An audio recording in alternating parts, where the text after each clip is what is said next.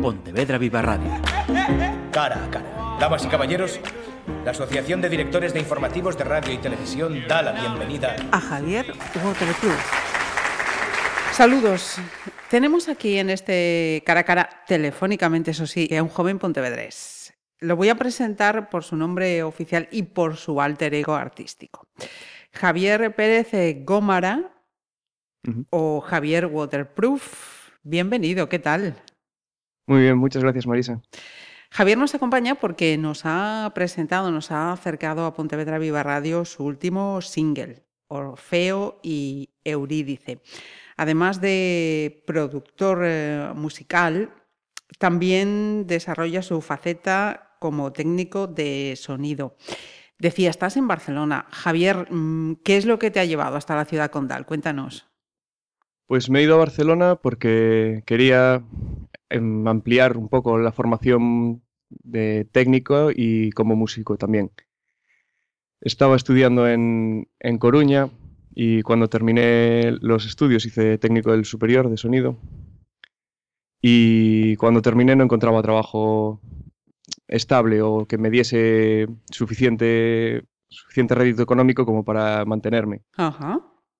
Entonces eh, decidí salir a continuar estudiando y, y, me llevó aquí a Barcelona. Que bueno, la verdad es que estoy contento con el máster que estoy estudiando aquí. ¿Cuánto tiempo llevas en Barcelona, Javier? Pues desde septiembre. en septiembre, me vine por aquí. Ajá. Bien, eh, decía, nos has presentado tu, último single, Orfeo y Eurídice, pero he visto que ya tienes otros eh, trabajos en el mercado. Tienes un, EP, Ideas Mágicas. Sí, el EP Ideas Mágicas fue mi trabajo de, fin de ciclo. Y bueno, la verdad es que me pilló en pandemia, fue justo ahí en el 2020 cuando empecé a grabarlo, que lo quería haber grabado en el estudio del, de la escuela, pero no pudo ser porque, bueno, porque estuvo cerrada, claro. Circunstancias que cambiaron y trastocaron los planes de todos. Musicalmente, ¿en qué género te podemos encuadrar, Javier? ¿Qué estilo de, de música te gusta, haces? Claro, yo la mayor parte de lo que he hecho está entre el rock y la canción de autor. Este último tema que presento ya tiene unos elementos más de la electrónica, sobre todo en la parte final, ¿no? Que, bueno, ahí estuve trabajando con un sintetizador granular, que, bueno, me gusta un poco también esa parte de experimentación. Pero para mí es muy importante también la letra. Entonces, eso es algo que tiene la canción de autor. Y la canción de autor te permite también jugar con otros géneros. En esta canción pasa desde las guitarras acústicas que suenan al principio, puede tener en el, en el beat de batería un, sentimiento un poco más urbano, sobre todo con los charles. El chico que me hace las baterías, un chico de Coruña, eh, le gusta mucho el género urbano y la verdad es que se nota en lo que toca. Nicolás. Nicolás, sí. Y en este proyecto, Orfeo y Eurídice, también has colaborado con un artista gráfico. Cuéntanos esa colaboración con Eloy Armida. La verdad es que Eloy es un artista espectacular. Hace, está trabajando ahora en Sargadelos, en Foz, y se mueve por allí. Tiene, tiene bastantes. Hizo alguna exposición chula en Ferrol también, porque él es de Ferrol. Y merece la pena seguir su trabajo yo lo conozco personalmente porque estuvimos estudiando en la misma escuela. Yo estudié diseño industrial en Ferrol y allí nos conocimos. Y fue eso, en, durante la pandemia tuvimos bastantes charlas a través de Skype, igual que ahora contigo. Y pues le planteé la opción de si le apetecía hacer un dibujo, que me contase la historia y poder a partir de ahí crear algo pues de alguna forma conjunta y creando una, conversación entre dos artes que son distintas, pero que en el fondo hablan de lo mismo, ¿no? De, quiénes somos. ¿Quiénes somos y, qué podría haber sido, no? Cuéntanos ese trasfondo de, Orfeo y Eurídice. Bueno, como la leyenda de Orfeo y Eurídice es una tragedia tremenda, ¿no? En la que el amor entre estos dos personajes se ve truncado por la serpiente primero y después por, por esa mirada atrás, esa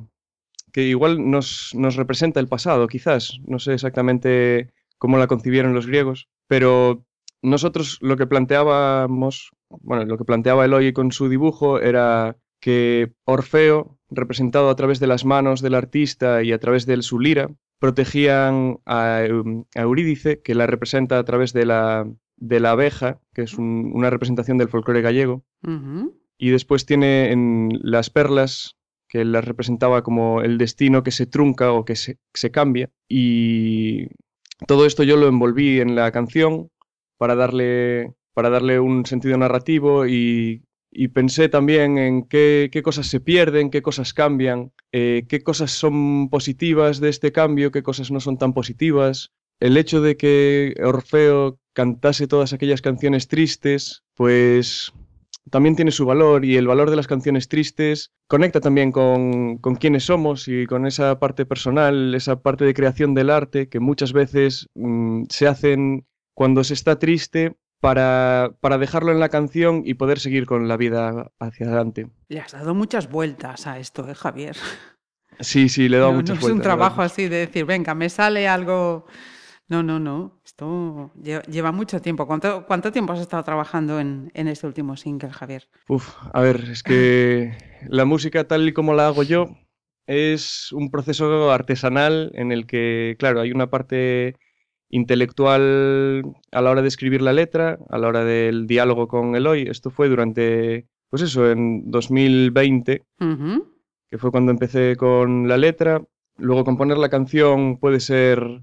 La canción no se acaba de componer hasta que una vez que has escrito la letra, escribes la música, pero luego yo necesito tocarla muchas veces para sentir qué es por dónde va, como la energía que tiene en cada parte de la canción. Y una vez hecho eso, pues la grabo como una maqueta para pasársela a Nico y Nico hace la batería sobre la que monto ya la canción definitiva. Pero esto también es una parte inicial, digamos, porque toda la parte de arreglos y mezcla, que la hago yo también, es un trabajo que voy haciendo poco a poco, porque la voy escuchando, la reescucho y veo qué cosas puedo cambiar, dónde no. Y la parte de mezcla, la verdad es que estos años desde ideas mágicas hasta, hasta sacar este single, he aprendido mucho, porque el trabajo de mezcla es un, un trabajo muy de detalles, de, de, saber escuchar otras canciones también. Entonces es, es progresivo y yo siento que este es un, un trabajo con el que estoy muy satisfecho y que estoy muy contento, pero también que he aprendido mucho haciéndolo y que los siguientes pues podrán ser mejores. Mira, he visto que tienes eh, experiencia en el local de música de, Pontevedra. Cuéntanos cómo fue esa, esa etapa. En el local de música desde el instituto, que tocaba con un grupo que se llamaba Aerials, que llegamos a tocar en la televisión de Galicia, hicimos algún concierto ahí en Sala Karma y la verdad es que fue el primer contacto que tuve con, con componer mis letras, tocar con más gente Ahí éramos, éramos cinco, que tocábamos piano, batería, bajo y dos guitarras. Y yo todavía ahí no cantaba, pero, pero como guitarrista la verdad es que me sirvió mucho para aprender. Y después, la verdad es que el local de música es un proyecto chulísimo que están haciendo, están haciendo cosas muy, muy interesantes por la cultura en Pontevedra. Y me dieron la opción de, de, participar un par de veces más, aunque ya no, ya no podía ir a ensayar, porque claro, eso estaba yo estudiando en Ferrol y después estuve estudiando en Coruña. Pero bueno, también eh, te conecta con el tejido del, de la música en Pontevedra. Y me, me ofrecieron un par de veces, hice, hice el, no recuerdo cómo le llamaban, pero un concierto también fue durante la pandemia que, hicieron en el local sin público, grabado para, para, YouTube. Se lanzó, yo creo que está todavía por ahí. Y después grabé otro tema que todavía no he sacado y porque estoy preparando, estoy preparando un disco. Pues es que ahora entre, entre el máster, el trabajo y le, le voy sacando tiempo pues a poquitos. poco a poco las buenas cosas requieren tiempo, Javier.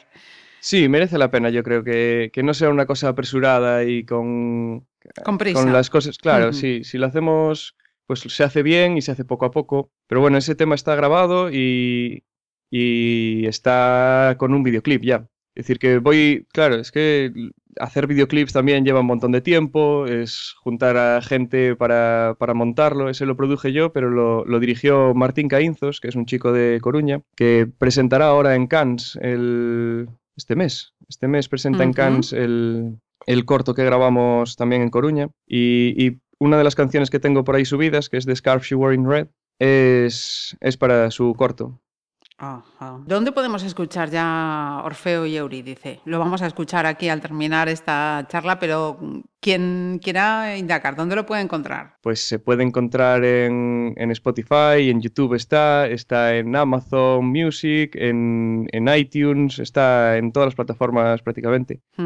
Además de este trabajo, te quería preguntar también por otra cuestión que me comentabas antes de esta, de esta charla y de poner todo listo a grabar y es, eh, además de ese máster, ese trabajo que estás haciendo con las GAE de, Barcelona. ¿Estás estos días inmerso o vais a estar inmersos en el Festival del Cine de Autor y además vas a tener la oportunidad de estar en, contacto con un proyecto que estos últimos días, bueno, pues em, se ha destapado como una auténtica novedad y que está mm, generando muchísimo interés, reconocimientos, y es eh, la película Alcarrás. Había hecho no sé si, si, habrás tenido la suerte de poder verlo. No. Eh, creo que está esto en... Empezó el viernes en cines. Yo a ver si puedo ir entre hoy y mañana. El proyecto este se presentó en Berlín y ganó el Oso de Oro. Ajá. Es la segunda película que hace esta mujer, que además estuvo en Berlín y había ganado el, el, Oso de Oro a Artista Emergente con la primera película que hizo. Que la verdad es que es, es una película íntima muy bonita eh, Steve 1993, creo que se llama. El año, la verdad es que no, lo tengo claro del todo. Pero sí, es una, película sobre una chica que. una niña a la que se le mueren los padres por SIDA y en el año 93, pues empieza a vivir con sus tíos y, la problemática que tiene con su, con su prima, con, la mujer sobre todo de, del, del tío, que claro, pues es, ella está, tiene problemas de adaptación también al entorno familiar. Y esta es una película de aquí grabada también en Cataluña y la verdad es que tengo ganas de ir a verla. Esta ya no te puedo decir mucho más. Lo cierto es eh, eso, que en los últimos, eh, las últimas semanas, no, no días, últimas semanas, Alcarrás ha notado, ha suscitado, perdón, un notabilísimo interés y reconocimiento. Mira, mm, estás en Barcelona, nos has hablado de este trabajo, estás preparando disco. Tus mm, previsiones de, futuro, tus proyectos a, futuro, ¿por dónde pasan, Javier? ¿Dónde te quieres eh, centrar, especializar? Pues a mí me gusta mucho este mundo del sonido. El máster que estoy haciendo está enfocado hacia el sonido interactivo y ahora estoy haciendo el trabajo de fin de máster eh, centrado en el paisaje sonoro que, bueno, no sé si, es una disciplina muy, muy conocida, pero habla de ecología sonora, ecología acústica, vamos, y es un, es un movimiento que empieza en el 69, es la primera vez que aparece en un artículo científico, en el 77 sale probablemente el que es el, el que da a conocer el, género, o el género, o el, movimiento, que es un, un, libro de Murray Schaffer, que se llama El paisaje sonoro, la afinación del mundo, que la verdad es un, libro súper interesante sobre, sobre cómo se entiende lo que nos envuelve sonoramente en, a lo largo de la historia y en el momento actual. Y nos insta a ser diseñadores o arquitectos de este paisaje sonoro, ser conscientes del ruido o, y del sonido que generamos. También entronca mucho con el futurismo de Luigi Russolo, y, estoy, estoy inmerso en este, en este proyecto ahora. Estoy intentando eso, pues, preparar el disco y buscando trabajos pues en, otros cortometrajes, en, cine. Yo estuve trabajando también haciendo eh, doblaje. Ah. Entonces estoy un poco metido en este mundo del cine. El corto que te comentaba, además de hacerle la canción, hice el sonido directo, hice la postproducción de sonido. Y, y estos proyectos, pues cuando, cuando llegan, pues hacen ilusión, son muy, son muy intensos porque la grabación en cine es intensa, pero a la vez es muy divertido y muy gratificante. Pues es evidente que los proyectos y la formación no le faltan a Javier, así que desearte que ojalá vengan las, las oportunidades eh, que, que buena falta hacen. Javier, muchísima suerte y muchísimas gracias por dedicarnos eh, estos minutos. Muchas gracias a ti, de verdad. Es un, es un gusto poder, poder tener estos espacios. Pontevedra Viva Radio.